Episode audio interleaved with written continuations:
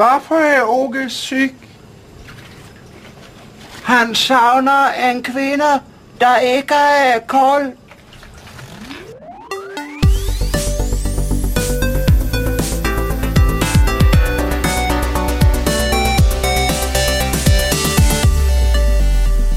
Hej, hallå och välkomna till Fulkultur, den eh, i allra högsta grad folkbildande och sedlärande podden från oss här på Geeks. Jag heter Joakim Benett och med oss idag har vi celebert besök, eller på säga. Hur länge sedan var du här, var här Jakob Nilsson? Du är lite ledig. Ja, hur länge sedan var det? Kan det vara tre avsnitt sen, kanske fyra? Ja, det var inte länge så. Nej, men det är ju två veckor mellan varje avsnitt, just. då blir det ju, vi säger två, tre månader. Jag var här i somras. Ja. Vi spelar in det här eh, avsnittet efter arbetstid, så det är väldigt sådär, alla, alla har klättrat in lite för att få med. Exakt. Kalle Johansson Sundelius är här med oss idag också. Jag jobbar ju faktiskt här. Hej Kalle! Hej. Hej. Ehm, vi ska prata svensk humor idag. Det låter, alltså, när jag skrev det, här, svensk humor, det lät jättetråkigt. Jag Ja. tänkte, hur ska man kunna prata om det här? Och det ska bli underhållande. Men sen ju mer man så att säga, researchade så, så med vissa perioder så eh, finns mycket gött där ändå. Alltså. Ehm, men det är liksom lite ämnet. Sen kommer kalla avsnittet i slutändan när vi väl lägger ut det nästa vecka. Eh, Det får vi se. Det blir en surpris. Ja, men vi börjar checka in lite. Vad har ni gjort sen sist? Lite kort. Fulkulturellt. Mm. Ska jag börja? Ja, mm, ja alltså jag är mycket hemma på dagarna nu med mitt barn och sådär. Så att det blir, man får konsumera kulturen lite korta doser sådär. Så jag har väl äntligen spelat klart Mass Effect Andromeda som Mhm. tog typ tusen timmar och var, nästan alla av dem var ganska tråkiga. Men nu har jag liksom plågat mig igenom, gjorde klart igår kväll. Mm. Väldigt eh, inte imponerad. Tyvärr. Humor i spel är överlag ganska kast, eller hur? Ja. Även när han försöker slänga in sådana här comic relief-grejer så brukar det ofta Ja, i alla fall i det spelet. Det finns väl, alltså, ju- det finns ju några undantag på Ja. jätteroliga spel. Men eh, nej, så att det är skönt att bli av med det. Jag tog ut skivan och liksom slängde den åt Ja. helvete nästan. Eh, så himla dåligt var det inte, men bara otroligt mycket levde inte upp till sin potential. Mm. Annars kollar vi mest på eh, tecknat. Daniel Tigers kvarter är populärt på SVT Play. Mm. Och så försöker jag bilda honom då i, vi kollar på lite Transformers, den animerade serien. Mm. Det är bra avsnitt, ganska korta. Daniel Tiger, där är ju någonting som verkligen är sedelärande i liksom ordets rätta Mm. bemärkelse. Att man ska uppfostra barnen till liksom goda Ja, de medborgare. sjunger som- en liten sång om hur man ska hantera känslor som Ja. ilska och sådär. Ja, Mm. Det är ganska bra. Och får ett son naturligtvis. just det. Som Peppa, är väldigt bra. Peppa Pig, Greta Gris. Nej, Nej. inget. Vi tar lite i taget sådär. Mm. Får ett son upptäckte vi i, förrgår. Bra. Ja, bra. Kalle då, hej! Hej! Ehm, jag har du har eh, läst en liten kortnovell som vi tipsade om på Facebook, Patanopia. De har gjort en liten eh, serietidning i en, eh, en spelmotor på mobil så man liksom kan se, eh, serierutorna är lite animerade, man kan liksom vicka på telefonen för att se lite olika vinklar. Så här. En väldigt kort, eh, det kan vara 20 rutor lång, en liten berättelse om eh, ett gäng soldater som precis ska landstiga på i Normandie på andra, världs, andra världskriget. Eh, väldigt, väldigt mysig. Eh, Man ser kräkan liksom animeras när de kommer ut, de nervösa soldaterna. Och, eh, ett par roliga vändningar fast den är så kort. Eh, sen har jag lyssnat klart på Uncle Berties Botanarium podcasten som jag tipsade om tidigare. Den här humor med Jermaine Clement från Flight of the Conchords. Hur många avsnitt var det? Eh, tio avsnitt. Ja, Mm. det kan man ta sig igenom. Ja, absolut. Och de är ganska korta avsnitten så att det är väl värt en lyssning. Mycket naughty plans och andra väldigt konstiga saker. Den, den är konstig i början, sen blir den bara ännu mer konstig och rolig. Ja, det är bra. Jag har lyssnat på lite poddar. Lite hit och dit. Jag har inte börjat lyssna riktigt på den där som du tipsar om. Jag har försökt inför det här lyssnat in mig på lite så här humorpoddar. Men det är svårt att hitta, det är svårt att hitta bra grejer. Jag vet inte. Det är så spretigt. Väldigt spretigt där ute. Vart ska man dyka in? Eh, mycket så humor, mycket politisk humor idag. Svingas vilt från alla håll. Jag vet inte riktigt vad man ska tro. Det är ju sånt otroligt utbud också. Alla kan göra podd. Så Mm. det finns ingen, inga som kontrollerar poddar. Så där ska vi vara glada för kanske. Men, menar, förr i tiden var det i alla fall någon sorts redaktion som fick bestämma. Så, ja, du får göra humor. Men nu är det bara att slänga ut. redaktion som gärna var statlig också. Ja, precis. Ja, men det var ju lite ja. så. Ja, visst. Vi- Det där kommer vi nog prata om ganska mycket om. Ja, det tror jag. eh, när vi tar oss an dagens ämne som vi så tråkigt eh, närmare benämner svensk humor. Finsk, Mm. eh, ehm, liksom faktiskt svensk humor. Alltså Min Förstår åsikt, du vad jag menar? Ja, min åsikt personligen är ju att svensk humor är lite som all annan svensk kulturyttring, att det är bara egentligen plockat utifrån. Mm. Framförallt kanske egentligen, jag tror sådär Monty Python och Saturday Night Live, liksom de två stora Mm. influenserna. Och sen kanske blandningen eller liksom uttryckssättet är att svenskt, Sverige är ett ganska speciellt land på många sätt. Så att det speglas väl kanske i vår humor. Ja, alltså, jag tänker ju spontant det här ganska lagoma uttrycket som svensk humor Mm. ofta har. Eh, som jag lite slarvigt brukar benämna TV4-humor. Lite så här ganska ja. tam, tråkig, Ja. Kan du ge något exempel? vågar inte, men så här parlamentet, Ja, just det. Solsidan. Solsidan. Mm. Ja, men att allt ska vara lite trivsamt. Ja, också men alla Mm. ska med i humorn. Mm. Alla ska kunna ta till sig och skratta och in, framförallt ska ingen bli kränkt. Mm. Det är väldigt Men det är väldigt svenskt. ju inte det lite nytt sådär, eller vi kanske kommer in på det mera, men jag Ja. tänker på liksom spermaharen debaclet Just från 90-talet, om ni minns det. Ja. Där, vem var det? Var det Henning Mankell eller var det Håkan Nesser? Håkan de Ness- blev ju med båda då, men en Ja. blev ju så otroligt kränkt. Håkan Nesse suger dökukar, hävdar de ur sig. Han tog ju inte alls det. Nej. Jag tyckte inte det var roligt. De blev även stämda, ja, vi kommer komma in på spermaren sen, Ja. men de blev även stämda av Fonus. va? Just det. Fonus Kids. Ja, jag tyckte det var jätteroligt, men det var, ja. Men det, men det kanske är så att det är, när kränktheten kanske är lite, det kanske är något nytt. Mm. Men alltså indignationen måste ju alltid ha funnits där, lite grann. Ja, men det är inte lite det som gör det lite roligt också. Ja. Att man skämtar om någonting som är helt förbjudet. Mm. Och om det är någonting som jag skulle säga just sven, nej, det kanske inte är just svensk humor, som jag nog skulle känneteckna som svensk humor, det finns en röd tråd, det är att, att det ganska ofta ändå kan finnas ett litet allvar bakom. Mm. Ett litet mörker, ett liksom dyster höst. Mm. Eh, men många, eh, typ Laurie-sketcher var ju just, ja, men, det var ju lite hemskt också, men samtidigt roligt. Jo, men det är väl så. Det finns väl alltid lite svenskt vemod bakom alltihopa. Ja, Lite- men- Lite Strindberg. Det var i alla fall det jag tänkte på när jag tänkte på just svensk humor, att det är ja, lite allvar, Mm. inte bara roligt. Om jag säger eh, Mosebacke monarki, vad säger ni då? Jag säger ju Hasse och Tage såklart. Jag Sex- står som ett frågetecken. På fem, slutet på 50-talet har jag för mig att det var, 60-talet. Säg det. Det var eh, radioshow först som sen Mm. även blev tv. Där ett, ett, var ganska så här eh, hårt för sin tid, kan jag tänka mig. Jag såg inte det, så gammal är inte jag. Utan det här är någonting jag fick mig till livs lite grann av min far. Sådär. Anledningen till att jag kastar mig in här, det är att för jag vill komma in lite grann på var började ni skratta åt svensk tv? När började ni göra det? För man blir, måste bli väldigt influerad av vad ens föräldrar tittar på. Ni är 80-talister Mm. och jag är född på 70-talet. Så vi har alla vuxit upp utan eh, både internet och eh, utrikisk television Ja, etc. etc. Vi hade två kanaler under ganska lång tid Ja. Och så några radiokanaler. och några radiokanaler som liksom präglade vårt Mm. humorutbud ganska Ja. starkt. Man kan säga att SVT och, och Sveriges Radio stod ganska mycket för leveransen av, av humorn. Ja, eller Till mig i alla fall. ja, i stort sett all humor. Åtminstone den som liksom Mm. pågick hemma. Man kunde hitta en rolig tidning någonstans kanske, men liksom allt annat var ju, via tv och radio så var det ju liksom public service som det heter. Mm.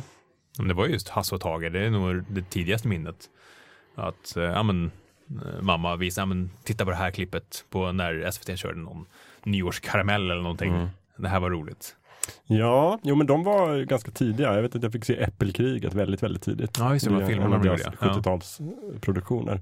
Jag tror aldrig så här Mos Mosebacke monarki och Gula hund och de här, de var ju lite tidigare, det var ju 60-talet. De var liksom för långt bort på något sätt. Det var ju sådana här grejer som ens föräldrar satt och kollade på i repris och skrockade åt eh, väldigt mycket. Jag minns en gammal sketch med han Ek, heter han Ekblads pappa. Mm.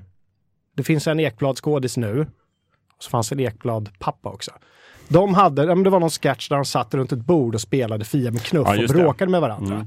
Som gick åtminstone en gång om året på Just tv. det. Det, var säkert något så här traditionsenligt. Ja men den är ju, alla kallar den ju Fia med knuff-sketchen, men Mm. de spelar ju faktiskt Skattkammarön. Vilket är också jättekonstigt Ja. varför man inte ens kommer ihåg det. Faktum är att jag tror vi börjar fulkulturavsnittet om brädspel med just ett ljudklipp från den sketchen. Så Aha. om man är nyfiken kan man ju bara gå tillbaka och lyssna på Ekborg det. heter Exakt, Dan såklart. Ekborg och, och alla Ekborg, det är en hel klan. Klanen Ekborg. Mm. Pappan hette väl Lars? Var det Lars? Lars Ekborg. Mm. Eh, och eh, hon, Margareta Krok var hon med. Jajamän. Just det, precis. Annan sån här gammal humor som man kommer ihåg man fick inpräntat i sig från sina föräldrar. Det var ju uh, Grevinnan och betjänten på nyårsafton. Slapstick-humor, Just det. uh, importerad direkt från BBC antagligen Mm. i England. Som var kul en gång. Ja, jag tyckte aldrig det var så roligt. Men föräldrarna satt ju och skrockade, för det var ju, jag vet inte hur länge de hade levt med det där. Som enda, enda skrattinslag i hela sitt liv. Liksom. Ja, de körde ju också, jag vet inte, vi kollade ju inte på Grevinnan och betjänten. Mina föräldrar var nog, tyckte inte det var roligt. Nej. Jag vet inte om det var för att de inte hade någon humor eller för att de hade sett den för många gånger. Men däremot fanns det en annan BBC-produktion som heter Plankan. Som de också Ja, visade varje nyår. Som också var så här lite bekant efter ett tag. De åker runt med en planka och så krossas det glas och grejer, är det Ja, inte om så? de, om de ska liksom leverera en planka på en bil och sen så lossnar den i början Ja. och sen så genom olika missförstånd och, och konstiga händelser så hamnar den på bilen alldeles i slutet. Och så är det Väl, som väldigt, väldigt dråpligt. att, väldigt dråpligt. Inget av det här är svensk humor, Nej. men vi vill liksom få in känslan av hur vi satt där hemma när vi var väldigt små och, Mm. och liksom fick det här serverat för oss. Eh, idag finns ju allting ett klick bort, men det måste också vara väldigt uh, oöverskådligt att hitta. Det är inte så att nu ska vi hitta kul grejer, utan vadå, det är ju vad är Youtube idag. Liksom. Mm. Mm. Kan jag tänka mig. Ja precis, och man får förlita sig på algoritmer och liksom uppvotade Och delningskulturen. Och delningskulturen. Så, Ja. För att det, är ingen, liksom, det finns ingen myndighet som sitter och berättar att det här är kul, det här visar vi nu varje nyår. Uh, Mosebacke-monarki var ganska roligt när jag satt och researchade, för det är gamla svartvita klipp. Det Mm. spelades in på, jag tror det var uppe på Mosebacke stämmer bra. eh, här i Stockholm, på Ja, Södermalm. men de utropade väl en egen stat där också. Det en heter monarki, som var en, en republikansk Ja. monarki. Det är väldigt, väldigt konstigt allting. De hade, de hade ju väldigt roliga namn. Eh, Det är Sven Gardin, Sa- konstnären Salvador Dahlberg, eh, Nisse Pärlemo, pastor Astor Flanell, boxaren Melvin Bobo Men det är ju Slacke. kul. Det är jätteroligt. Um, sjuksköterskan Rigmor Mortis. det är väldigt roligt. Och det är, det är väldigt så här torr humor. Ja. Man, det är också, måste ju vara influerat från England. Oh, ja, som. det tror jag. Som är på något sätt eh, den torra humorns hemland. Mm. Ja. Eh, Kan vi, inte, kan vi inte lyssna på en liten, eh, en liten sång som Melvin Bobo Slacke sjunger som har fastnat mig, som jag brukar spela i vår Slack-kanal en gång om året och aldrig, får aldrig någon uppskattning. Jag tänkte vi kanske kunde lyssna på den och får vi se om ni tycker det här är roligt. För jag tycker det är väldigt roligt. Det sägs ju att man inte ska generalisera och säga till exempel att Tyskland ej är bra. Det ska man inte heller i allmänhet, jag tror. Men detta gäller inte om det land där norrmän bor. Norge, Norge, det är ett ruttet land. Norge, Norge, ett jävla rövarband. Norrmän, norrmän, de fiskar dåligt torsk. Om du ser en slisk och han sticker åt en fisk är han utan tvivel norsk. Bravo! Ja, norrmän är förskräckliga, så fula och så små.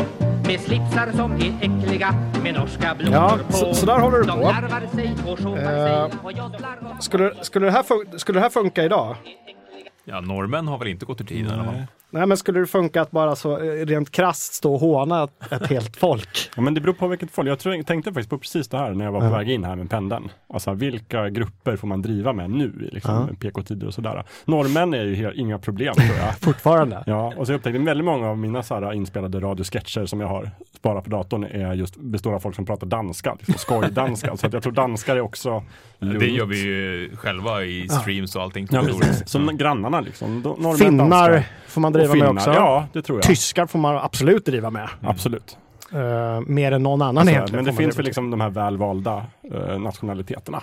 Däremot såg jag en, har- en Lorry-sketch som jag vet att du brukar citera ganska ofta. Mhm. När Susanne Reuter eh, är flygvärdinna. Ja, just det. Sprit, sprit, här var det sprit. Det- Bara det är ju roligt när hon dunkar en Ja. skalad killes huvud i fram slapstick-humor. Ja. Men det jag hade glömt bort är fortsättningen på den sketchen. Det sitter ju ett gäng eh, män i saudiarabiska dräkter på flygplanet som sen visar sig vara terrorister Ja. och försöker ta över flygplanet. Ja. Det, Och de har liksom, det är skokräm i ansiktet och det är lakan på huvudet och det hela det är kittet, Ja, eller hur? Och det här är ju 90, sent 90-tal eller? ja, början av 90-talet. Början av 90-talet. Sista säsongen gick 95. Ja, jag vet inte vilken. Ja. Det hade ju inte varit okej idag. Nej, precis. Hela den liksom, stereotypa skildringen. Alla, alla de här ota- alla svenska komiker liksom, före 90-talet måste ju också ha någon gång ha klätt ut sig, liksom kisat med ögonen och låtsats vara kines eller asiat. Sådär. Det Ja. känns inte heller jättefräscht idag. Nej. Nej. Det reagerade man kanske inte på när man var 12, men idag så ser det lite konstigt ut. Mm.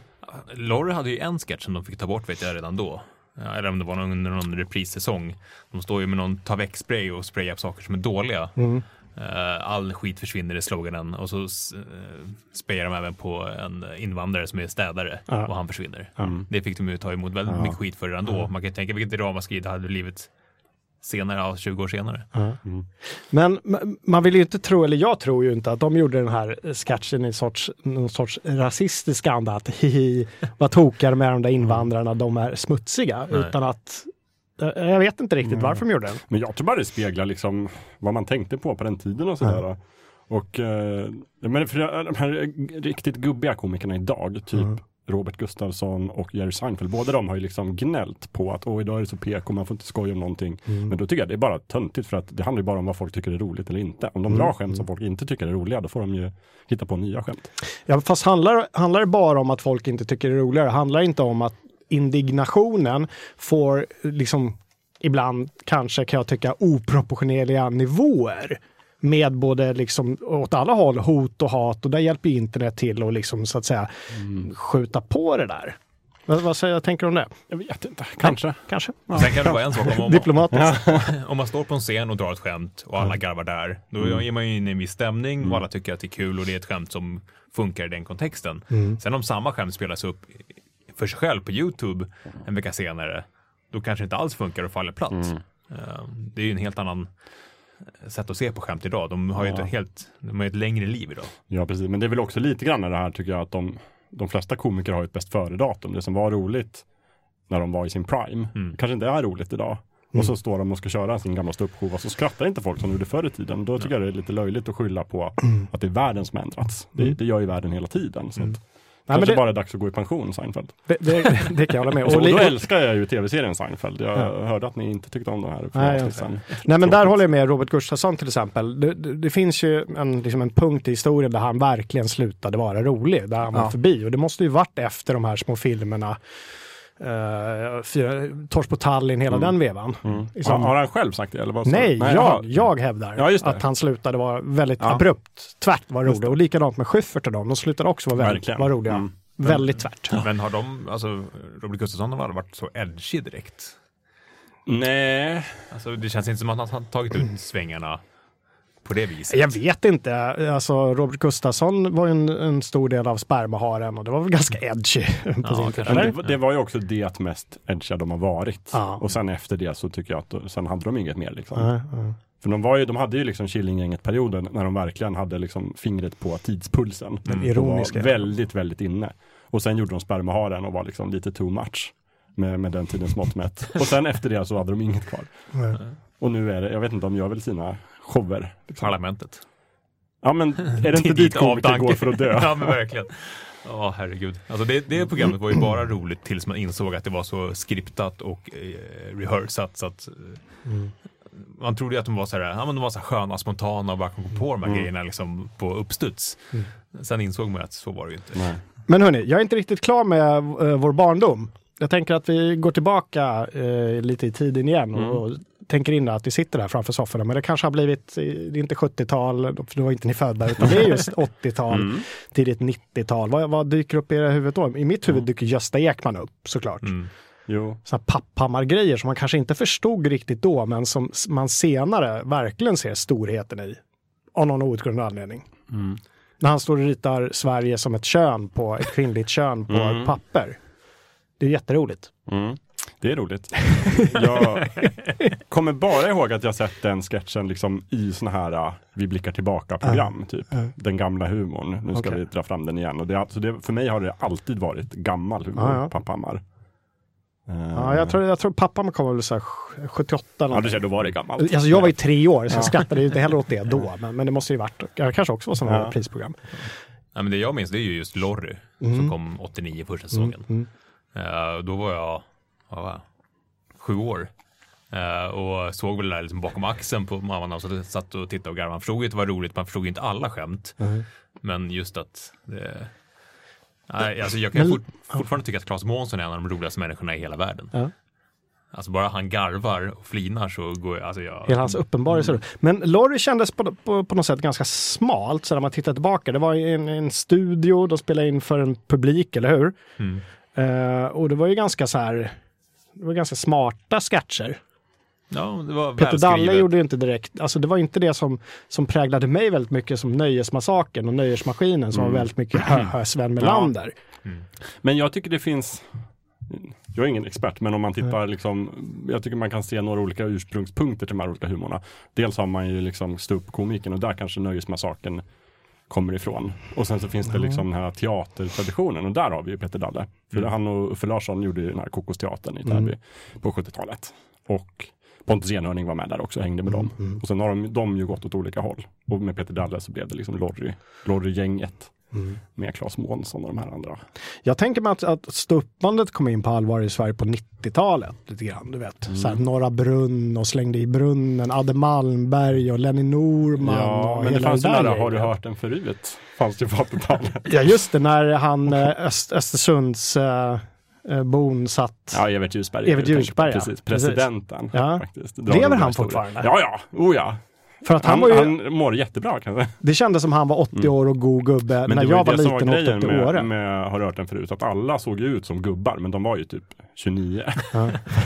men eh, jodå, han lever. Fast där satt de ju och drog eh, roliga historier Ja. för varandra. Jag vet, men jag tänkte bara att det fanns kanske någon sorts influens utifrån. Så Ja. ja. de stod upp. Det är kanske mer den här Saturday Night Live traditionen som har kommit in på något Ja sätt. men precis, för att Nöjesmaskinen som det hette först och sen Nöjesmassakern där Mm. Sven Melander var väldigt framträdande. Det var ju mycket sketch, liksom. Ja, sketcher exakt. och gäster. Eh, och där fick vi ju uh, godbitar som har präglat mig för pappa, pappa och jag satt och skrockade, eller pappa satt och skrockade och jag skrattade väl med för att jag tycker att det var lite kul. Det är ju Trollet Rulle till exempel. Mhm. Minns ni inte heller? Nej. Nej. Nej. Och det är ju världens bästa sketch när Sven Melander intervjuar lilla Anna tror jag om vad hon önskar sig mest på, på jorden. Är det någon, ringer någon klocka där? Det, det låter bekant. Ja, vi, kan, vi, kanske måste, vi kanske måste köra den bara för, bara för att ni ska få eh, en liten koll på hur, hur 80-talet tedde sig. Ja, lilla Anna. Om du fick önska dig vad som helst i hela världen, vad skulle du önska dig då? En docka. Ja, jag menar liksom någonting större. En cykel. Nej, inte, inte, inte någon leksak. En video. Nej, nej, alltså inga, inga, inga saker liksom, utan någonting som är, som är jätteviktigt, som alla människor på jorden vill ha. Mat. Nej, mat och mat alltså. Nej, någonting som är, som är, är, är viktigt, som man demonstrerar för, som, som Amerika och Ryssland ska prata om. Vad är det? Pengar. Nej, pengar och pengar, vad fan är det enda du tänker på? Dockor och cyklar och pengar och mat och sånt? Skit alltså, vad fan? Tänk om det kom hem en massa soldater och sköt din mamma och din pappa. Skulle det vara roligt? Tycker du det skulle vara kul va? Nej. Nej, men vad är det då? Vad är det då då? Krig. Ja men vad fan är du dum i huvudet? Det är ju, det är ju inte det det ska vara. Vad är det då man inte vill ha? Vad är det man ska ha då? Frid. Ja, det är precis.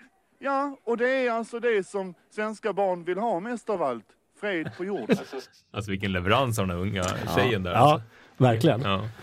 På jorden. Men den här, den där sketchen har ju präglat mig Ja, jättemycket. känner alltså. Det är en klassiker. Jag vet inte om Nöjesmassakern gick på äh, fredagar eller lördagar, men det var ju sånt där helgnöje att äntligen skulle man få samlas hela familjen och äta chips och, och skratta lite tillsammans. Fanns det chips då? Ja, det fanns äh, Inte lika bara. De var definitivt inte lika stora påsarna som de är idag. Det kan jag säga. Men påsarna är krympt igen. Har de? Ja, nu är det bara 275 gram i påsen istället för 300. Så familjepåsar säljs inte längre. Ja, gud. Eh, yes, och, och sen efter, men efter den här nöjesmassakern och det som liksom, de, de, de här som dominerade eh, och Kato, Sven Melander, de regerade ju allting som skulle vara roligt på den tiden. Då kom ju det här eh, Lorry. Mm. Helt apropå, kommer ni ihåg det? Jag känner igen Ja. namnet. Den här killen som satt i en soffa på ett tak med rolig frisyr, göteborgaren. Kurt Olsson, Kurt han du tänkte Olsson, på. Varför ja. då bara ett tak? Det var det väl inte? Ja, men i nå- något finalavsnitt Men satt han på inte i ett jättestor soffa? Var det inte det som var det roliga? Nej, men soffan var på tak en gång, vill jag Ja. verkligen Ja, men det är introt va, som är inte Ja, på det introfilmen kanske. Men när, när var det? Det var också varit 80? Det är säkert sent 80-90-tal. Ja, men var det Den roligt? Det, det var Kurt det Olsson var typ. aldrig rolig tycker jag. Nej, men det var väl ändå tänkt att vara roligt fast för en lite yngre publik. Han hade ju Ja, det var rolig- till dig till exempel. Kan man säga. Han hade ju rolig frisyr, va? vad mer Ja. begär ni egentligen? Men det var också den här Göteborgs humorn som jag tycker är lite speciell kanske. Ja, Det är ett spår för sig i alla fall. Ändå. Göteborgshumorn. Jo, men det börjar här- med Albert och Herbert och sen så har man liksom eh, Lasse Brandeby. Som heter Kurt Olsson. Mm. vitsbetonad humor. Ja, lite mer vitsbetonad och sen så kan man ju se de här, uh, alltså du, du frågade vart man upptäckte humorn och sådär. Det var ju för mig också Hasse och Tage. Men jag hittade, vad heter de nu då? Alltså Klabbe Fahlén och Uffe Larsson när de gjorde Bröderna Olsson. Just. Som ju var ett barnprogram. Men det var också, det var ju väldigt roligt. Tyckte jag redan då. Och sen förstår man ju när man blir äldre att det är fortfarande väldigt roligt. Bröderna och för det Olsson är det. de spränger Kaknästornet och håller på. Eh, och Sven Melander spelar kock. Och det är ju skrivet av han Hannes Holm. Ja. Så där har du ju den här radarparet, Hannes Holm och Måns Herngren som gjorde liksom en rad sketchprogram på 80-talet i SVT. Är det är det 80-tal och 90-tal? Det är 90 verkligen, som de... de... gjorde ju liksom, Encyklopediaden, och Smash. Förspelet och Smash. Och sen det jag tyckte var roligast, Propaganda-TV. Ja. Och sen gjorde de Penetrerings-TV också. Alltså jättemånga serier. Men propaganda-tv var väl ganska edgy? Det tycker jag. Ja. Det var väldigt liksom, det var ju inte liksom så bitskt men det var ju ändå liksom satir. Väldigt politiskt. Byggde mycket på det här konceptet att man tar typ arkivmaterial, alltså nyhetssändningar och gamla klipp och så klipper man ihop det på något roligt sätt. det är ju kul. det är ju det. Ja, det är roligt. Mm. Så de var väldigt framträdande för mig, Mm. liksom, fast de var väl ganska smala ändå jämfört med till exempel Nöjesmassakern och det gänget. Eh, jag, ska, jag ska faktiskt ner, b- liksom bara som en liten så här, så att ni får en bild av hur stort det här med Nöjesmassakern var på den tiden när det fanns två kanaler. Eh, avsnitt nummer nio då av Nöjesmassakern eh, sågs enligt tittarmätarna av 4 732 200 personer eller 66 procent av alla svenskar. Det är jättemånga. Ja, Ja. sådana siffror har ingen idag. Nej, inte ens Pewdiepie har det. N- Nej, definitivt inte av alla svenskar Nej. så att säga. Ja, men det är liksom lite på den nivån. Wow. Då kan man förstå vem som... Mm. Men det var ju väldigt brett och väldigt folkligt. Ja. Liksom så. På ett sätt som kanske Hannes och och Holm och vet du, Måns Herngren och Hannes Holm inte riktigt var. De körde väl inte på fredagskvällarna klockan sju. De riktade sig väl till ungdomar De också på ett körde väl annat sätt. tisdagar klockan tio kanske. Ja, Mera. eller hur? Och Mm. de som hade eh, lyckan att vara uppe så pass sent kunde prata om det där på skolgården Exakt. dagen efter. Men det var lite mera liksom. Och inte familjeunderhållning. Nej. Jag har ett klipp som vi kan spela upp från propaganda-tv. Ja, på. men gör det. Jag tror jag har det. Vänta, vi måste se. Jag kanske måste ta fram det på Youtube.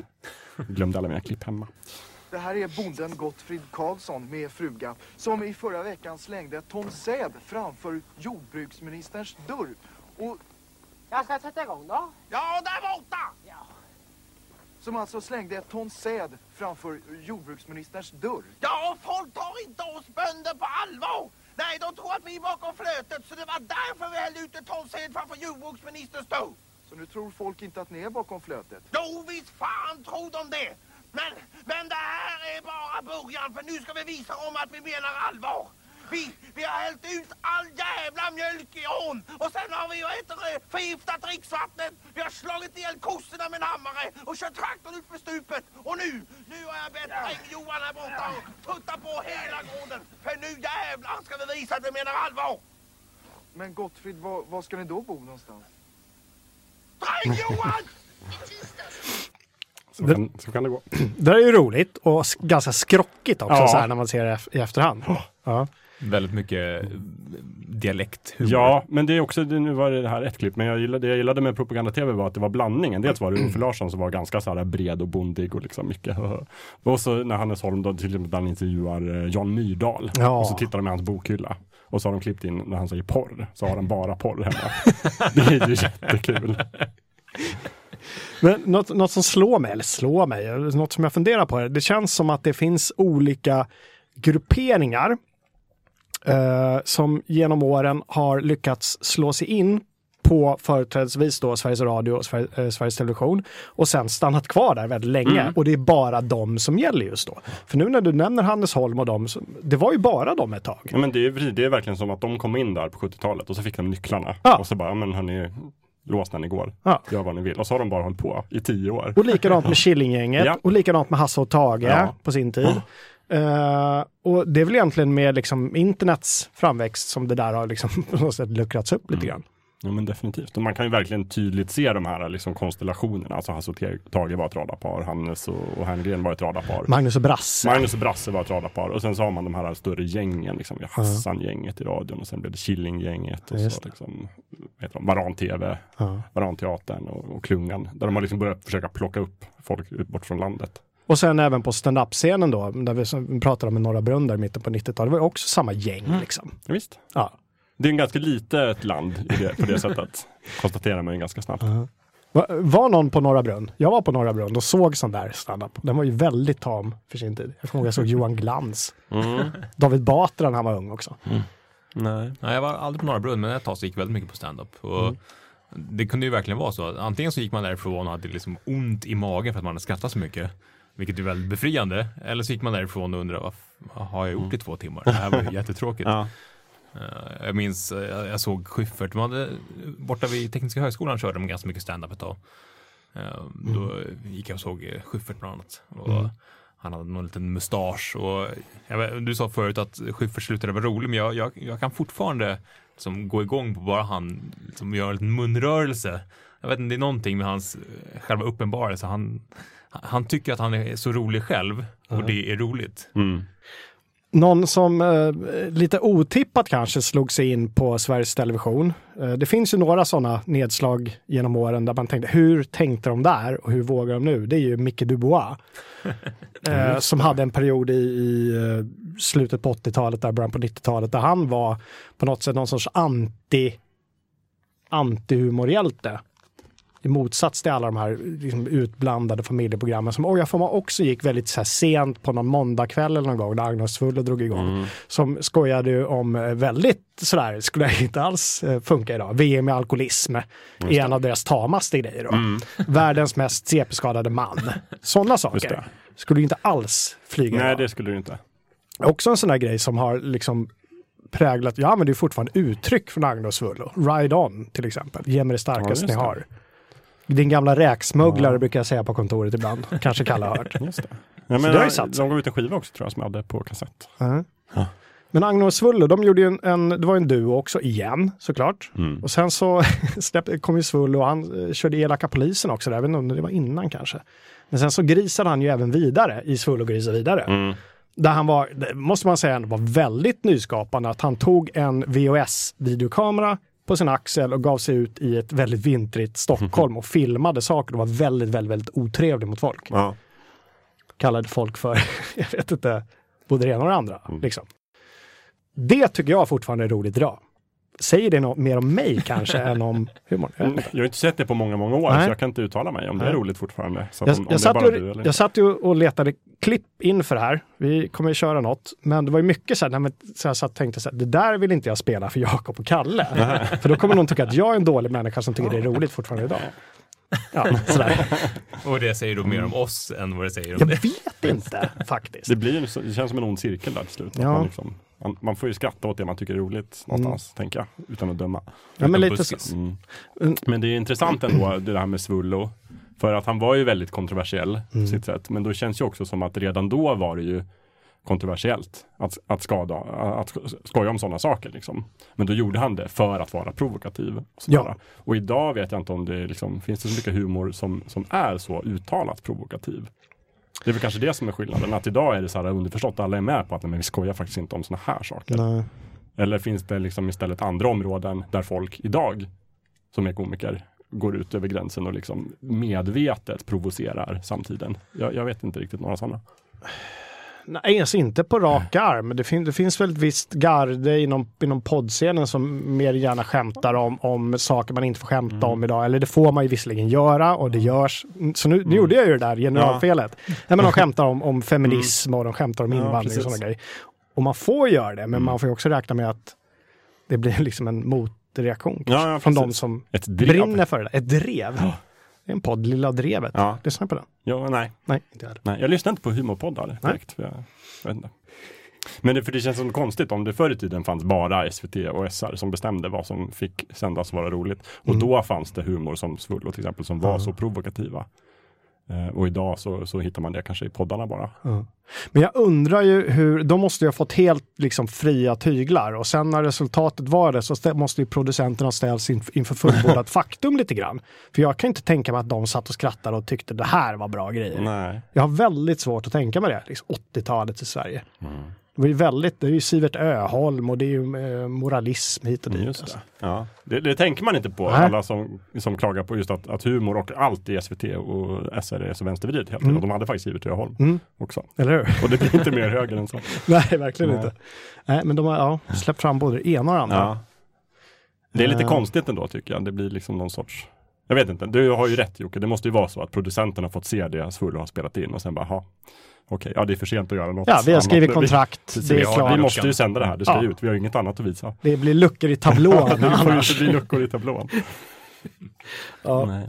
Men på helt andra sidan av den skalan, när vi är i 80-talet ändå, Mm. vilket det känns som att det är liksom tidsmässigt, så hade ju jag de här liksom galenskaperna och After Shave som lite så här mitt, eller familjens, liksom Mm. så här, när vi samlades och kollade på tv. Var Etnöjörsmassakern kanske? Ja, för det var ju så otroligt icke-provokativt Mm. på alla sätt och vis. Det var ju bara mysigt och lite roligt sådär smålustigt. Roliga dialekter. Ja, för där har vi blandningen av det här liksom dialekt Göteborgsspåret och det är ju liksom After Shave kommer ju från Chalmers liksom. Så det är dels lite studentikost, dels Göteborg vitsigheten och sen är Mm. det, vad är det, Galenskaparna som är kanske lite mera sprunget ur den här liksom buskis, vad är det, dratta på ändan humorn. Ja. Eller slapstick som det kallas. Men också lite kanske ordvitsigt. Jag vet inte, det var en konstig blandning där som tydligen gick hem väldigt mycket hos folket för det var ju väldigt populärt och Mm. de fick ju dels göra program och filmer och föreställningar.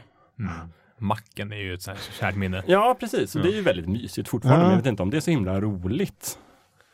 Är det det? Nej, jag, jag skulle nog skratta lite åt Ja. synt-sketchen. Ja, precis. Jag vill ha en syntman. Ja, det är lite kul förstås. Ja. Och jag tror säkert att jag skulle njuta av eh, Stinsen brinner idag om Mm. jag skulle titta på den. Men jag vet inte. Det är inte det här äh, skrattet som man får ont i magen. Jag vet att eh, om min pappa var Nöjesmassakern man så var nog min mamma en, eh, en, eh, Galenskaparna en galenskaparna kvinna. Ja. Eh, Hon tyckte det var väldigt det var mysigt och det var tryggt. Hon visste att hon inte skulle bli ofrivilligt förolämpad. Och så det, liksom. Även om det också är någon sorts satir på många sätt. Men himla många program driver ju med sig själva. li- Driver ju med liksom public service och tv-utbudet och det. Och det är jättemycket politiska, liksom, Mm. men väldigt mjuka kängor ändå. Det är lite så här, vi driver med både åt höger och vänster, men det ska vara lite snällt och glatt. Och vi ska kunna skratta åt det. På ett sätt som kanske mera svidande politisk satir inte är. Men det är kanske det vi inte har i Sverige. Jag vet inte. Den, alltså, politisk satir är ju inte vårt starka kort. Vad, vad har vi idag i den, alltså på, om vi tänker på televisionen som faktiskt går ut till folk, om man inte tänker poddar. Har vi något sånt idag som kommer ens i närheten av att vara lite bitskt? Nej. Nej. Det finns något ibland på P1, de gör någon sketch och så gör de så här roliga röster. Mm. De härmar politiker och gör skojiga röster. Jag har ju faktiskt tagit med mig en bok här som jag kan visa upp lite snabbt. eh, som Kalle Lind har skrivit som heter Högerhumor. Aha. Och den är ganska bra, den kan jag rekommendera. För den är lite mer akademisk än det vi pratar om här. Där har vi ju helt apropå mannen Där har vi själv. helt apropå på omslaget. mannen, om det är han Kryddan eller Kryddan ja. Persson eller Ja, Kryddan. Olsson? Som har klätt ut Nej, sig till... det var ju eh, två. Kryddan och... Kryddan var väl den lille smale? Eller var det inte det? Eller? Jag kommer inte ihåg Ah, vad de sak heter. Jag vet Nej. att de hade roliga namn också, skådespelarna. Det var det jag minns liksom. Eh, Som har klätt ut sig till Birgitta Dahl tror jag, Ja. som var en dåtidens liksom, politisk profil. Hur som helst, boken handlar just om den här eh, idén om att det bara finns politisk satir som är vänstervriden, inte Ja. bara i Sverige utan i hela världen, men framförallt i Sverige. Och sen så skriver Kalle Lind att nej men så var det inte, för det Mhm. finns jättemycket högerkomiker också. Och så drar han fram Karl Gerhard och några andra. Aha. Och så säger han bland annat typ att ja, men framförallt är ju satir att det driver med makten och makten i Sverige har ju varit synonymt med sossarna Ja. såklart. Vilket, Ja. Och det är ju helt unikt i Sverige. Ja. Så där har vi kanske någonting som är särskilt svenskt. Mm. När du säger just det här, sossarna drar upp helt apropå, de, Ja. de gjorde ju en odödlig karaktär. Det var ju Ingvar Carlsson i form, form av en sko.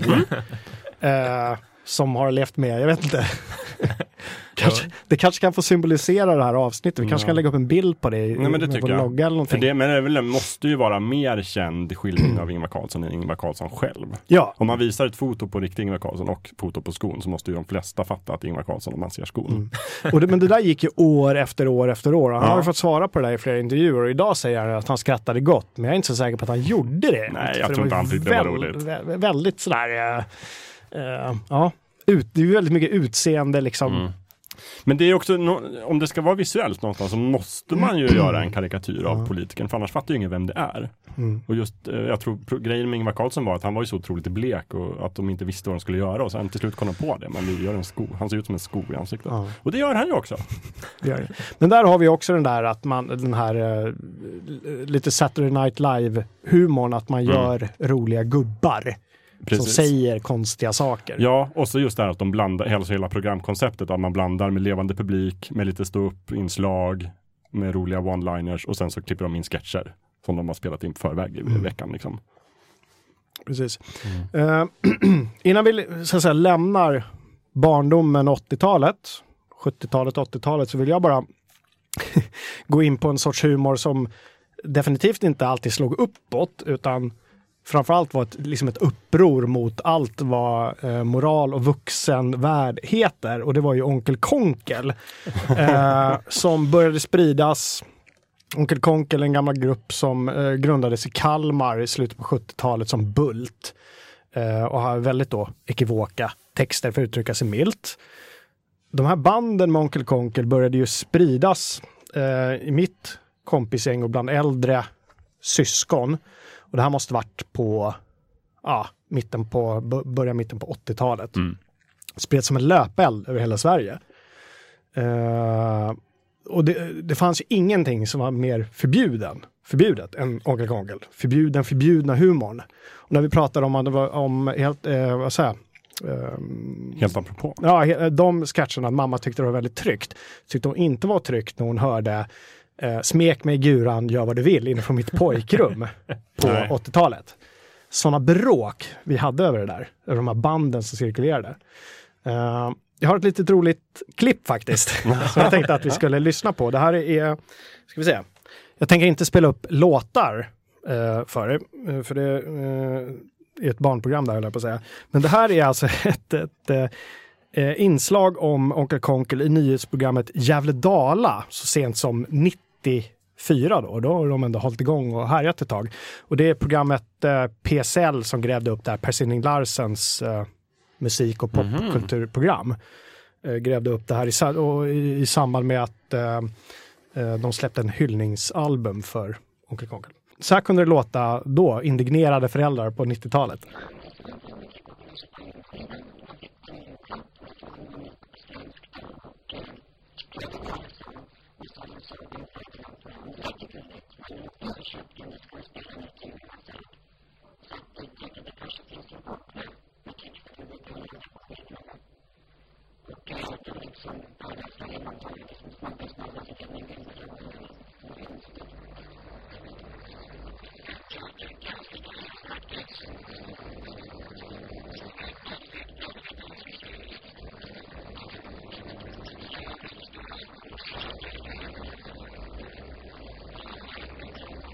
Don't get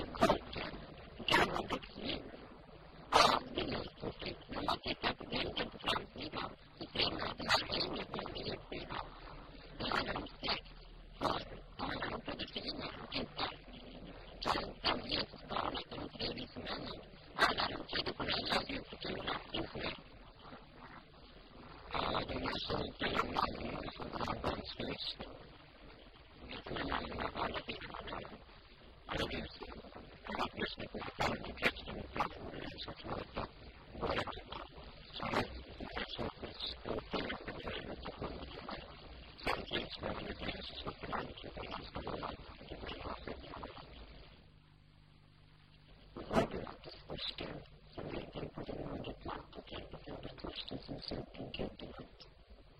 I'll the first and then first there is no penalty.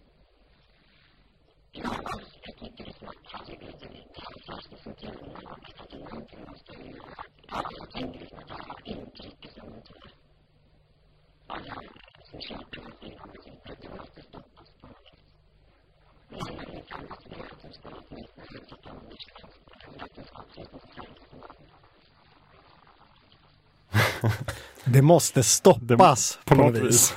Men det var inte din mamma som var med i Nej, det var inte min mamma. där. Nej.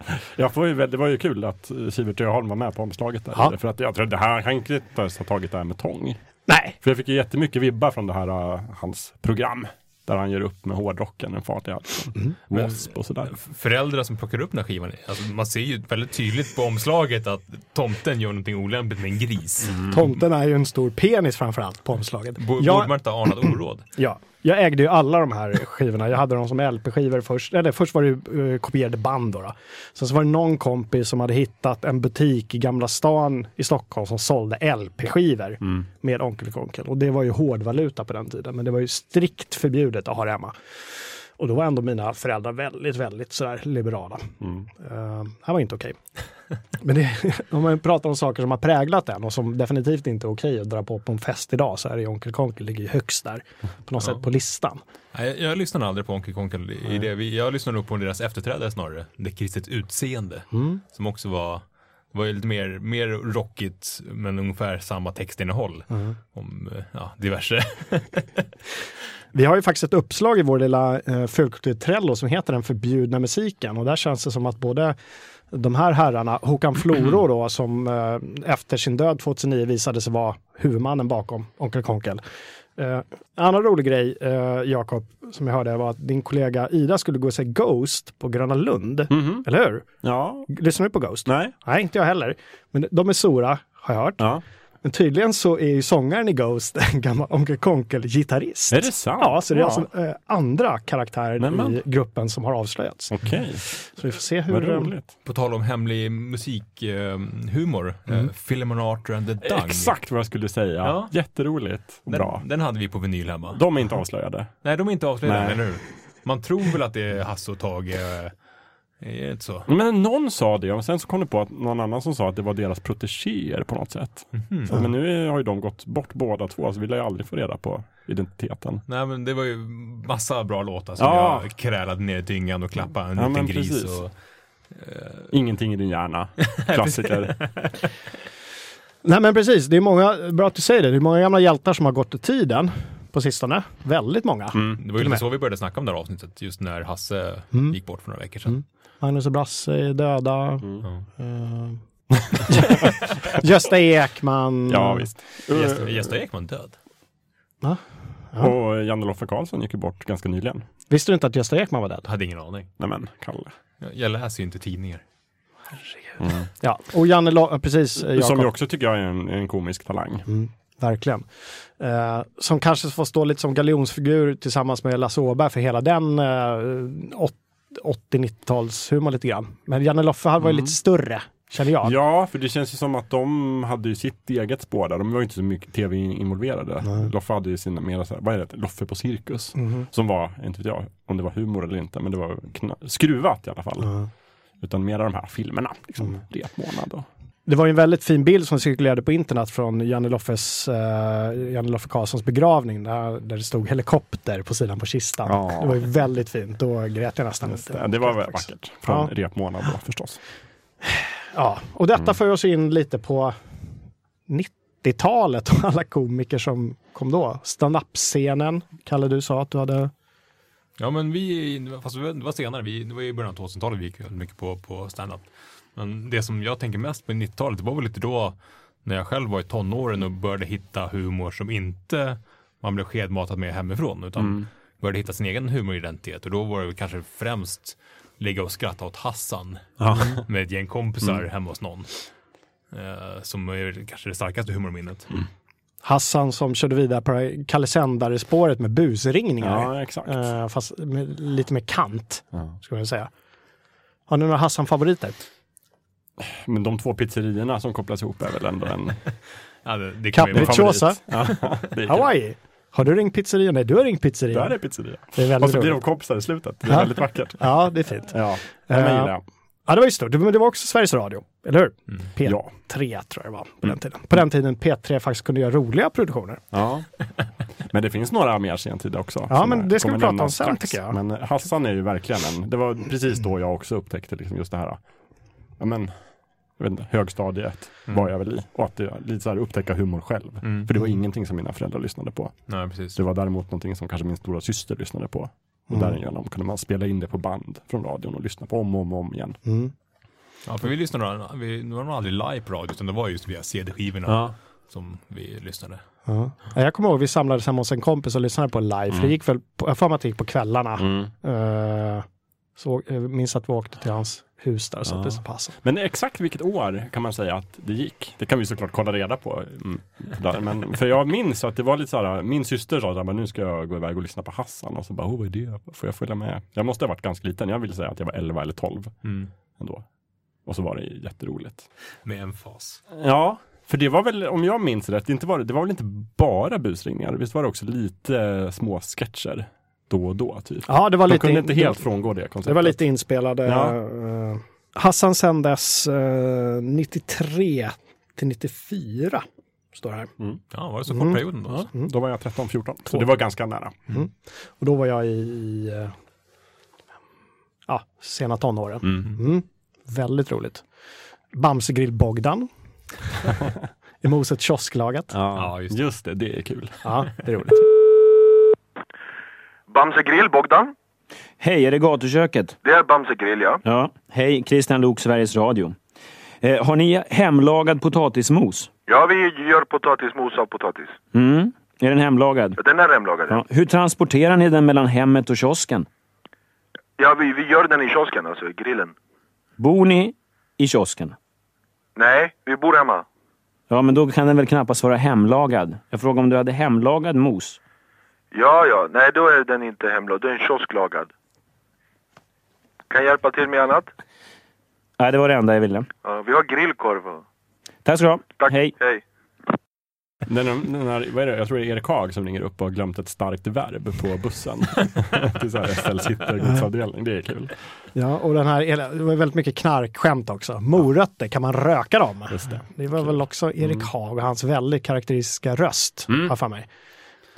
Eh, men, eh, Han var ju känd som Hassan-rösten väldigt Mm. länge sedan när han dök upp här och där. Mm. Han gjorde ju någon sorts karriär också efter det. Är Hassans start eh, skottet för Killinggängets Ja. totala dominans? Det måste det ju vara, därför att, för man tänker ju oftast att Hassan-gänget är som en sorts prototyp till Killinggänget, Mm. fast det är ju inte så egentligen. Det är väl egentligen bara Schyffert som, som går från Hassan-gänget till Killinggänget. Ja, För sen precis. För de- Erik Haag och de är ju inte med i Nej. Killinggänget, utan det är ju, Killinggänget är ju Robert Gustafsson, Henrik Schyffert, Andres Locko, Johan Rheborg Johan och Rheborg, Martin Lok. Jonas Inde. Just det, det är väl dem. Precis. Och sen eh, Thomas Alfredsson räknas väl med också, han var ju regissören. Ja. Så. Men, men just, ja, de bytte Lok-brorsa, för Christian Lok var ju med i Hassan-gänget. Ja. Och Erik Haag var med i Hassan-gänget. Men det måste ju ha rört sig i samma kretsar de här. I Stockholm. Alla, det på fanns något 90-talet. ställe i Stockholm På som alla hängde på. Ja, Säkert den här, vad inom gångavstånd från SVT. säkert den här, vad heter, eh, Mm. jag kan tänka mig att de hängde runt Pet Sounds bar där omkring. Det var ju förmodligen där de fick inspirationen till den här roliga sketchen med eh, Popsicle. Där de har tennis, pingisbollar. För han hängde ju där väldigt mycket. Alla indiepopparna från Norrland hängde ju där. De fångade ju eh, den ängsliga tidsandan, det var ängsligt redan då, men Mm. då fångade de det ganska bra. Men de kallas för den liksom, ironiska komiken som dök fram där ingenting Ja. var på allvar. Nej, Lite precis. grann. Jag vet inte hur man ska definiera dem riktigt. De vill väl inte bli definierade, men... Men det är lätt att konstatera i efterhand så här, liksom kolla på, nästan dra fram vem som helst och visa dem lite Killinggänget och sen Mm. så ser man, men det här är 90-tal. Mm. Det ser man ju. Mm. Det är ju väldigt tydligt. Mm. En intervju i DN 93 så kallades Henrik Schyffert för eh, crazy humorist. jag vet inte vad han själv tyckte om den. eh, Vem har skrivit den artikeln vill man veta. Vet inte, vi, vi, vi får googla. Mm. Men jag tycker sen att det är intressant i alla fall, just apropå Hassan-gänget, att de dyker ju sen upp i nästan alla humorkonstellationer efter det. Så finns det minst en från Hassan-gänget med liksom. Och ibland flera. Jag såg till exempel TV4 rekryterade ju ett gäng av dem och gjorde Pentagon. En kortlivad men ganska rolig tv-serie. Där eh, det var Fredrik Lindström, Erik Haag, eh, Olle Sarri dök upp också någonstans. Men, Mm. Men de här har ju, blivit, de har ju vuxit upp nu eh, och blivit eh, programledare i På spåret etc. ja, Så, att. Mm. så deras ro, liksom, rolighetsfaktor har ju liksom sjunkit lite grann. ja, precis. Men, men det kom ju väldigt, väldigt, väldigt, väldigt mycket bra grejer där. Vi har ju uh, Nile City, Percy Tårar, Spermaharen, Mm. som du eh, eh, sa var liksom lite avslutet på deras Ja, det var ju en webbsida va? Så det var ju lite sådär äh, Mm. nytt och tekniskt innovativt. Men jag läste bara boken Spermaharen som jag tyckte var rolig. Mm. Ja, men spermaharen, eh, kom, det var ju Passagen tror jag. Som, som eh, hade dem 2001 och det var ju det. ganska tidigt. I liksom, i- gryning. Ja, där de la upp filmklipp eh, som, som spriddes Ensamseglaren var väl en del av det här va? Ja. Ensamseglare. Där, där kör de, de la upp en rolig grej varje dag, Mm. vet jag. Jag kommer ihåg att vi satt nere på, jobbade på redaktionen i Växjö på den tiden när spermaharen kom. Och Det var, väldigt, var ju dagens höjdpunkt när Mm. dagens spermahare kom. Ja. Eh, Lars Brundin, Men jag tycker det var kul just för att det märks också kanske att de som gör spermaharen, de Killinggänget, att de liksom har någonstans, det här är väldigt fria tyglar. Mm. Att de kände sig själva lite så här befriade av det. Allt var kanske inte spot on, men mycket Mm. var ju väldigt kul. Men Lars Brundin, alltså, det var så sent. Eh, Ja. Det får jag ändå, så här, tänkte Nile City eller... Nej, men det är efter det. Så det är spermahalen det är Ja. tillsammans med ehm, han Granlund, konferensknullaren. Uh, fon, hela Fonus-grejen Ja. också. Men gjorde de fyra nyanser brunt efter spermaharen? Ja, Då ville de ju vara lite mer seriösa, Mm. fast lite roliga på samtidigt. Mm. Men det var väl också, var inte det SVT-produktioner också? Först kom ju de här fyra små filmer. Eller vad kom- vilken, Mm. vad kom först? Jag, jag, fyra Torsk små på filmer kom absolut först. Och Torsk på tallen var inte först. Utan Nej. jag tror att uh, Ben och Gunnar, Just en det. film om manlig vänskap var först. En jättefin. Som tyvärr inte går att få tag på någonstans. Jag, det- det jag bara- hittade den på internet. Jaha, okej. Mm. man... Ja, men på, internet riktigt. finns allt. Jag kan bra. säga, får man inte tag på den någonstans så Mm. får man hitta den själv. Mm. För den är väldigt, väldigt bra. Det, men den går inte att köpa lagligt om man vill. Vilket Nej. är konstigt. Det Det, är har väl med någon form av, eh, det är säkert Bruce Springsteen-låtarna som Mm. används i den som ställer till det. Och sen var det ju en film om Gunnar Relin, Ja. en film om att göra någon illa. Jätte, jätterolig. Eh, Filmkritiken Gunnar Relin. Ja, som de Som var hade. med som en skådespelare ska vi Ja. säga. Så det var inte som att de häcklade honom, Nej. utan han var med på det. Men han var i Eh. sitt hus, Gunnar Relin, och det hände konstiga saker. Armborst av kött, väldigt Ja. roligt. Men kan vi gå tillbaka till Ben och Gunnar först bara? Ja. För det handlar ju om två män eh, som i en sorts road movie för de ska åka ner och kolla på Bruce Springsteen i Göteborg, Ja, eller hur? En på känd Ullevi. konsert som Ja. var på Ullevi. Exakt. Eh, och det, det liksom handlar om... Ja. Men, män kan inte bara vara vänner. Nej, Förr eller senare vill de den ha ena, sex. är det Ben som hävdar att män inte kan vara vänner Mm. och Gunnar som hävdar att jo, det kan man faktiskt Någonting visst. sånt där. Och så har de skägg också. Mm. Och, väl, och Robert. Gustafsson har väldigt obehagliga linser. För de Ja. är helt, helt bruna, så han ser ut som ett så här, äh, djävulsbarn eller någonting. Mm. Han tittar på dem. Men den är väldigt vacker den filmen. I, Ja, den. men, men där kommer deras liksom, mörka period lite grann. Vi har en liten film om döden också som är jättehemsk. Just det.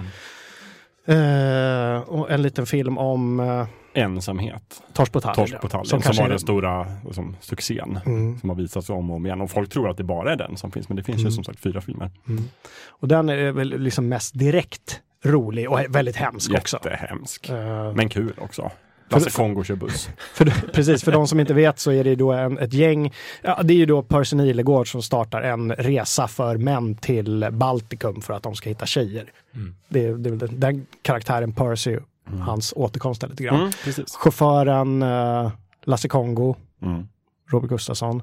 Jonas Inde gör en väldigt bra roll, Just tycker jag. Johan Rheborg gör en bra Rheborg. roll också. Eller Jonas Mm. Inde, förlåt, är, är han med? där? Jo, men jag tror det. Ja, men är med. Mm.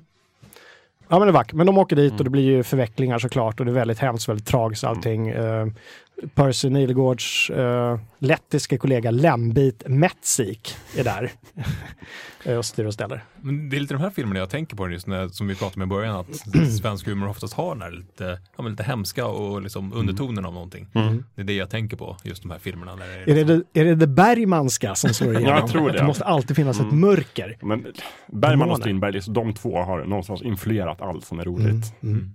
Och Fast tryckt de ner det inte var så grann. roliga. Ja. Var det vi verkligen Ingen ska få skoja ordentligt i det här landet. Det ska vi se till. Den här lutheranska lite Det traditionen. ska av att- alltid vara lite sorgligt också. Ja, strävsamt och hemskt. Mm. Gärna. Precis. Ja. Och det är det ju, det, är, det har de ju. Men det är också lite, någonstans så tror jag också om man kollar Killinggänget så känns det som att de själva valde att göra det så som att, Mm. ett tag. För de började ju inte med, med eh, vad heter den, Nile City utan de började ju med Glenn Killing i manegen det. som jag såg. Mm. Just det. Och det var ju mycket mer direkt roligt liksom.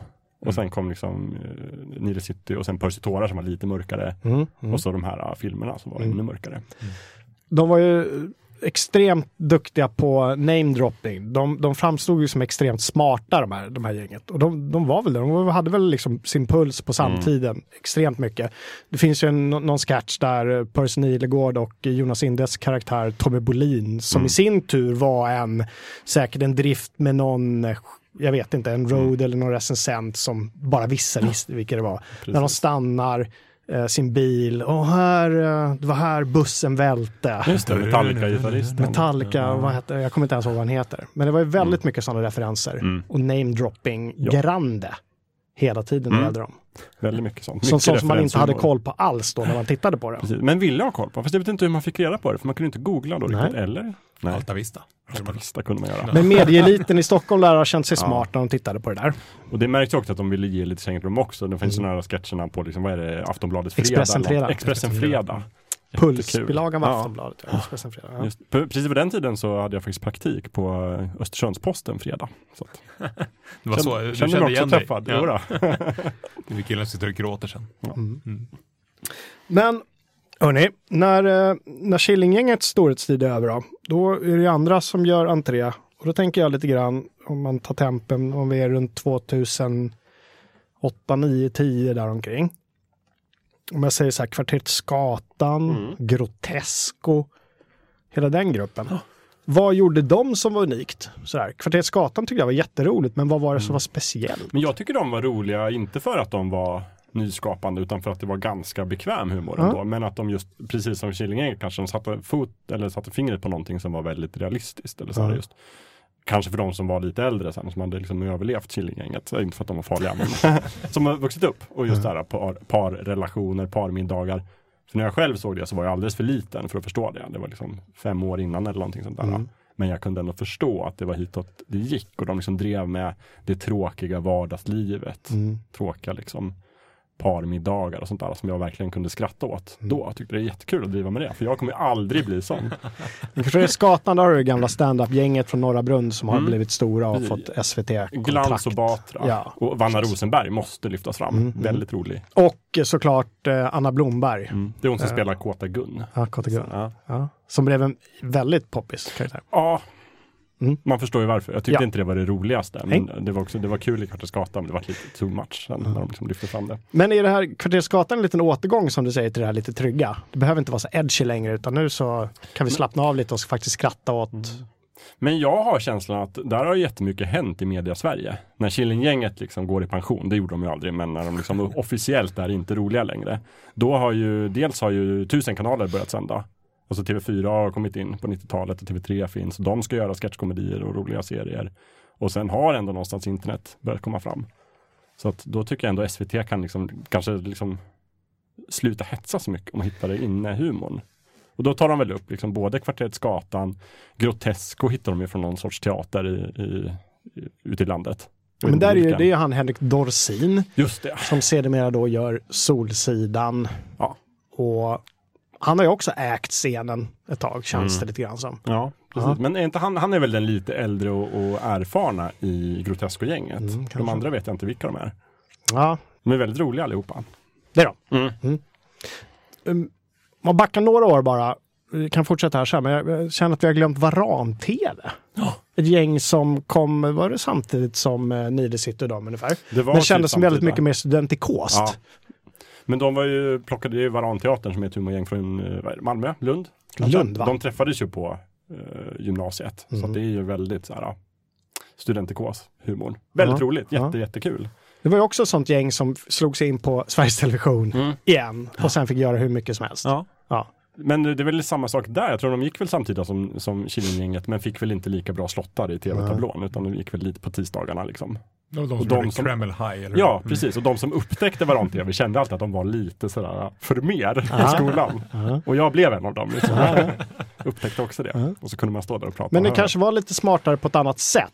Alltså Ja. Nile City och de här grejerna var ju, det var ju smart, Mm. men Varan-TV var inte lika uppenbart. Nej, ja, men Killinggänget var ju jättemycket just där. Vi ska driva med inne Stockholm. Ja. Vi ska driva med ironin och vi ska driva med 90-talet. Så Varan-TV var ju betydligt bredare på ett sätt. Mm. Och lite andra konstiga referenser. Men också just att de drar in det här lite lantliga. Ja. Det är jättekul att en reporter heter liksom Godzilla Hårdisks son till exempel.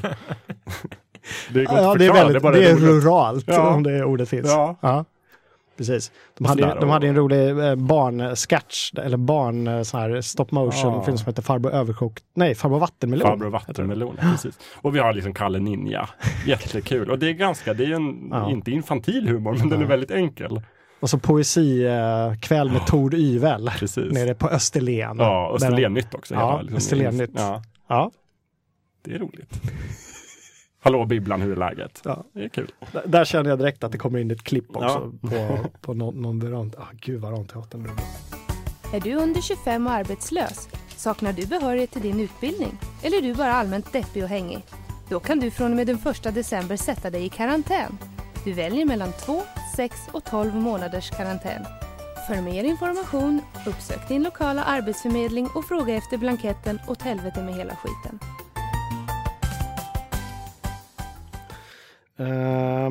Men många av de här har ju också sen levt vidare, även om jag tror det var ganska få som såg varann-tv på, på tv. Mm. Utan det har ju levt vidare sen på DVD som var formatet på den tiden. Där Just de har liksom släppt det bästa och det näst bästa från Mm. varann-tv. Jag tror de flesta har nog bara sett dem. Apropå det här med att hitta saker, vi kan ju nämna det som vi alltid nämner i varje avsnitt, att vi, vi ska försöka länka till så mycket som möjligt såklart av Mm. allting vi pratar om. Förhoppningsvis hittar vi väldigt goda klipp den här gången som vi kan länka till. På Youtube lär det Mm. mesta ligga. Mm. Eh, Jag skulle också, när vi ändå är i 90-talet och pratar Mm. om liksom alternativa sådär, så vill jag återigen lyfta upp då Pentagon som jag bara nämnde som hastigast. Där de har liksom tagit en stor del av Hassan-gänget och blandat ut med lite olika. Just det. Tyckte det var väldigt kul. Det var också den här blandningen av liksom väldigt infantil humor och lite smartare. Mm. Jag har ett klipp här om vi vill se. Ja, men det vill vi Ja. ju titta på. Då blir det ett, där tror jag vi kommer att få se Felix Herngren till exempel. Hörrni, har ni hört den här? Se upp för trappan. Vilken trappa? Pa, pa, pa, pa, pa. Sköna de där. Ja, den, ja, den är kul. Otroligt bra de där. Den här då? Ja. Se upp för stupet. Vilket stup! Och den är hård. Det är en klassiker. Den är skitbra. Fan, den alltså. kommer jag ihåg. Den är så jävla rolig. kul. Har ni hört den här då? Eh, får jag låna lådbilen? Vilken lådbil! Nej, den, nej, den, jag kommer, den är... Du har ju inte... Vad fan, du hajar ju inte poängen. Du måste ju liksom... Det, det, det, det är, någon, det är Jo. att man slår sig liksom. Det, det ordet eh, som... eh, Det man Ja. slår sig med, det är det som är... Du fattar inte. Jo, nej men det är... Det måste ju låta kul också. Liksom. Ja. För, som till exempel den här. Så här, den här. Se upp för golfbollen. Vilken golfboll. Den är skön. Den är otroligt skön. Den, Man eh, får den i den- munnen. Ja, ja, exakt. Får jag låna stämjärnet? Gärna. Aj! Aj! Men hörni, nu sprang vi tillbaka lite till Mm. 90-talet. Det jag vill komma fram till nu är någon sorts State of the Union. Hur är läget för svensk humor ah, från 2010-talet fram till idag, 2017? Finns det någonting ni tittar på svenskt som ni tycker är kul idag? Nej. Jo, men ja. Alltså, ja, det mår både bra och dåligt tycker Ja. jag. För å ena sidan så finns det ju så hur mycket som helst eftersom att alla gör poddar och, liksom, och alla som redan är etablerade, de gör också poddar och liksom, Mm. alla gör poddar. Ehm, så på ett sätt finns det ju så mycket som inte är roligt eller som inte faller mig i smaken i alla fall. Men å andra sidan finns det väl också lite guldkorn här och där. Mm. Någonting som jag har konstaterat nu när vi har pratat om eh, liksom 70, 80 och 90-talet är ju att det är väldigt, väldigt, väldigt få kvinnor vi har tagit upp. Mm. Eh, Och även om det fanns liksom kvinnor med i de här konstellationerna så är det sällan de var liksom drivande utan de var med som skådespelare. Mm. Och sådär har vi har Lorry-gänget, liksom, Susanne Reuter, Lena Endre och de här. De är jätteroliga men de var ju inte med och skriver manuset så mycket.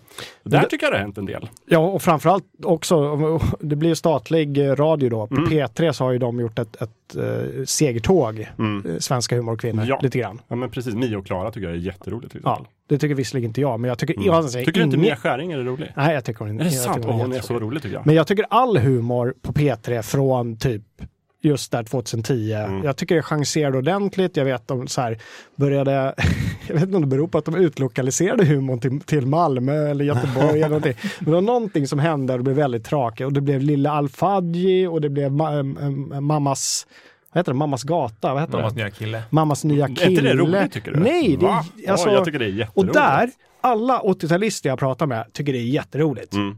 Är Men mina, 80-talist. sju- mina 70-talistvänner Ja. förstår inte alls. Där är det uppenbarligen ett generations Någonting har hänt. Ja, ja men precis. Så, Lite är grann. Att- Nej, men jag älskar Mammas nya kille. Jag tyckte det var roligt Ja. liksom, för tio år sedan när det gick. Men kan det inte handla om det där klassiska också, att man vid en viss ålder faktiskt så stannar man lite i sin, i, i liksom hur man tar till sig saker och ting. Jo, så kan det vara. Både musik och humor och allting annat. Och jag på något sätt där gick min gräns lite grann. Mm. Du var fryst i tiden helt enkelt.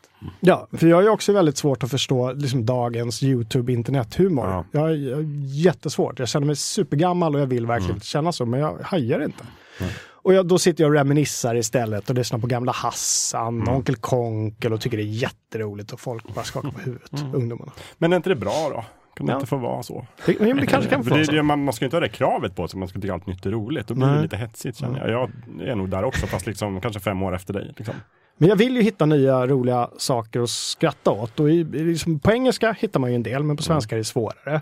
Jag lyssnar på en del eh, humorpoddar som är roliga ibland och ibland eh, urkassa. Så det är liksom väldigt sådär, det är svårt att hitta någonting man kan följa.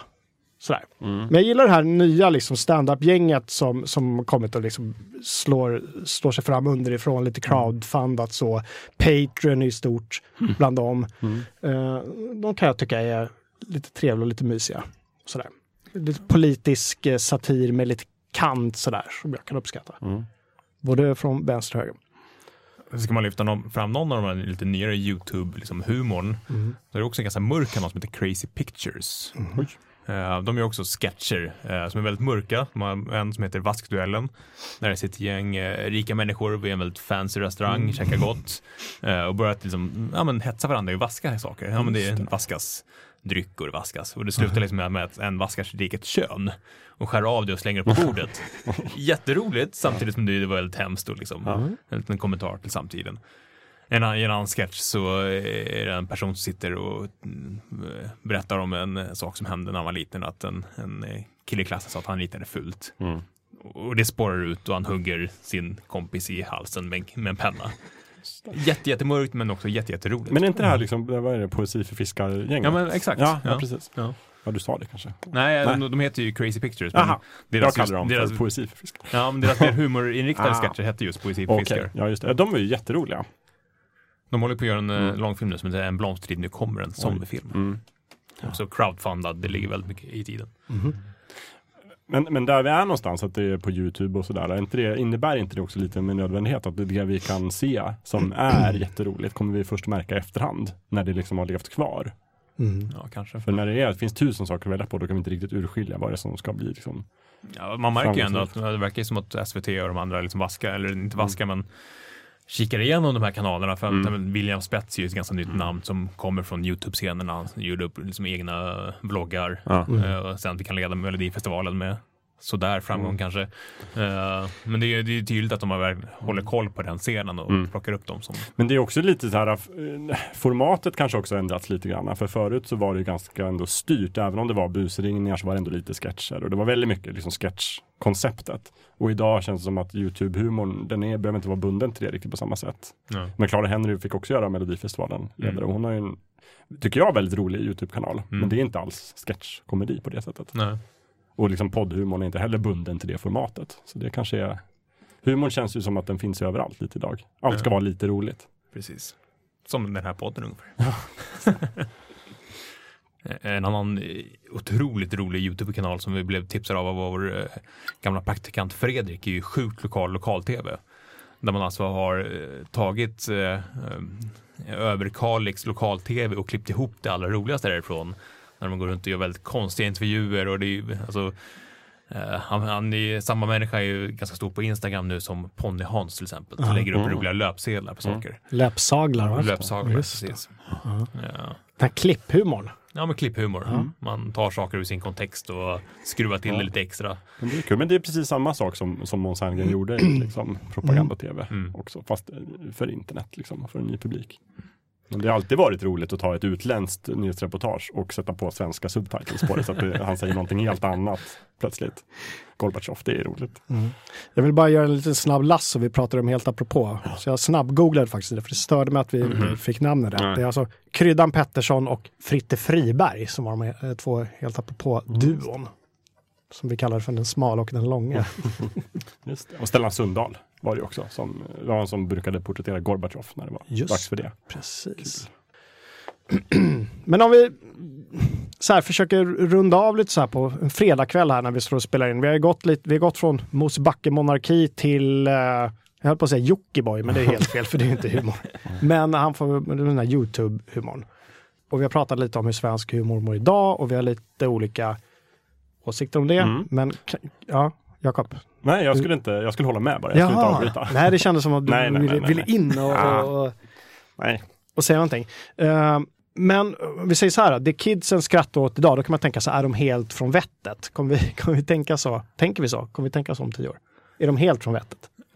Nästan i alla fall. Det finns en ganska stor YouTube-kanal som heter I just want to be cool som också är väldigt sketchbaserad. Ja. Eh, jag tycker att en på tio är jätteroliga. Mm. Sen de andra fattar jag ingenting av. Ja. Så att jag, jag är väl precis på den här gränsen som ni redan uppenbarligen har passerat. Mm. När det är vissa saker som inte är, är, är roliga längre.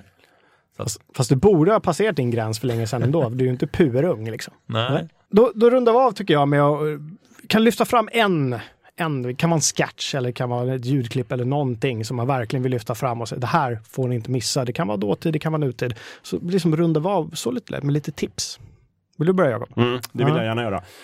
Eh, vi har nämnt en del radio, men jag tycker ändå det finns jättemycket radioprogram som har gått i någon sorts skuggvärld parallellt med liksom SVT-humorn. Så har det funnits väldigt mycket roliga radioprogram och det har flera stycken. Men jag skulle vilja lyfta fram kanske Riskradion som jag tyckte var väldigt roliga sketcher. Eh, Putte Punch Lyckoshow som jag tyckte var väldigt roliga sketcher. Mycket av det här är med Pontus Enhörning. Eh, och sen körde de också lite Göteborgsbaserade Salva i P3. Eh, som också kom lite i skymundan med liksom Mammas nya kille och och vad heter den här andra, Rally, som inte alls var lika roligt. Men Rally Salva i tyckte jag, P3, det Salva var- tyckte jag var väldigt kul. Gud vad jag inte skrattar åt rally. Alltså. Inte alls roligt, men Salva var kul. Mhm. Också så här, det var inte roligt första gången. Och sen var det inte roligt andra veckan heller, för det var exakt samma sketcher. De körde alltid det, det var samma, fem, sex olika koncept, samma sketch varje vecka, Mm. med små variationer. Men efter fyra, fem veckor så var det roligt. och sen blev det bara roligare och roligare, så de verkligen just den här upprepningshumorn, nöta in eh, roliga koncept. Mm. De körde till, det var mycket, byggde mycket på imitationer. Så Jörgen Mörnbäck var med och liksom imiterade politiker och eh, Ulf Elving, ofta där kungen var med och intervjuades och sådär. Vi lägger upp lite klipp. Inte Jörgen, eh, Jörgen Mörnbäck den som får göra alla röster Jo. alltid? Han är alltså på något sätt arvtagaren till Parnevik som Ja, fick göra alla exakt. röster Ja, men förr i tiden. Ja. ja. Mm. Kalle, du då? En grej får du lyfta. En enda grej. Som, som alla som lyssnar måste titta, eh, titta eller höra. Ja, gud vad svårt. Men Johan Ulveson vill jag ändå lyfta fram som någon form av personlig favorit. Vi snackade Claes Månsson förut. Men Johan Ulveson från Lorry till ja, farbror Bosse, väldigt sjukt obehagligt, till, till dagens är ja, men fortfarande roliga Johan Ulveson som är med i barnprogrammet Livet i bokstavslandet. Ja. Som har liksom tagit över stafettpinnen och lära barnen eh, bokstäver och räknesats efter fyra myror är fler än, nej, fem my- myror är fler än fyra elefanter. Mm. Med alltså, bra, Brasse och Magnus och Brasse Brasse och Eva. Eva. Eh. Johan Ulveson är med i den andra säsongen av eh, Livet i bokstavslandet och är ja, men, rolig. Jag kan se, komma på mig själv och sitta och skratta åt saker som barnen inte alls förstår. Men det, det känns som att de har liksom ta- verkligen tagit över den stafettpinnen. Ja, där har du ju en fin uh, Yrrol-sketch, uh, långfilmen, uh, Lorry långfi- eh, långfilmen Yrrol. Mm. När han och Claes Månsson ska bygga ihop stereo hemma när uh, Susanne Reuter och uh, Ulla Skog ska iväg och, och dricka sprit. Ja. Alltså, börjar- Achtung, det är tyska för tuning, det är radiodelen Mm, som ska in där. det går att göra så, men det är inte det, rätt. Det är inte rätt. Det är väldigt kul. Det Väldigt kliar verkligen i mig nu att bara smyga in ett extra tips apropå Jon Ja, Ulveson. gör Jag det. gör det. Gör Uh, Ulveson och Herngren, en liksom ganska bortglömd tv-serie som jag tror gick på SVT, men det kan ha varit TV4 också. Som är väldigt inspirerad av The Office, men det handlar om att Johan Ulveson och Felix Herngren ska göra en sketchkomediprogram, så det är väldigt meta åt SVT. Och så handlar det bara om hur de misslyckas med liksom så här, de hittar ingen bra producent och det där. Johan Glans är med och är liksom eh, manusförfattare, tror det är hans debutroll. Och det är väldigt kul, allt går, och de hatar varandra egentligen och så är de så här själviska. Jätterolig! Mm. Försök få tag på den. Ja, det är kul. ska göra. Ja. Ska jag avsluta då? Ja. Jag, vill, jag vill faktiskt eh, gå tillbaka och lyfta upp eh, Micke Dubois som lämnade oss alldeles för tidigt tycker jag. Eh, och hans karaktär Svullo och i Svullo grisar vidare så är det en sekvens där han är ute på tunnelbanelinjen och han hamnar på Kärrtorps station. eh, och det är helt tomt. Och det är kallt och det är natt och han sätter sig i sina mjukisbyxor och skriker Rödhårig apa. Ah! Där går han. Där går han. Där är hon. Fläskkäft. Där kommer hon. Där kommer hon. Kvinnan av idag. Vad heter du? No comments. Fy fan, det är så jävla sur så det luktar sälodling. Nu är jag lite ledsen för jag är alldeles ensam här på Bagarmorsans... Vad är det för jävla station? Vänta då, jag ska bara gå hem och kolla vad är det för jävla station jag är på.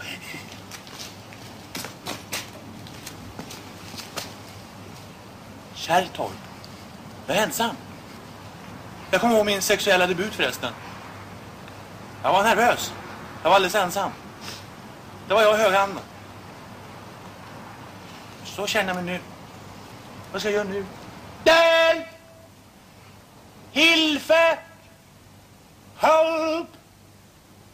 Help! Hilfe! Hjälp! Ollon! Säl! Björn Ulvaeus! Björn Ulvaeus! Hörrni, jag har haft superkul här med er ikväll. Nu ska vi hem till våra respektive familjer och ta fredag. Det här avsnittet sänds på en onsdag, så ni som lyssnar kanske inte har det lika avslappnat som vi har det. Men vi ska ta helg i alla fall. Ja. Tack så hemskt mycket för att ni lyssnade och kom ihåg att följa oss på sociala medier. Gå in på vår Tumblr, missa ingenting. Häng med helt enkelt. Tack för ikväll. Hej då! Hej då!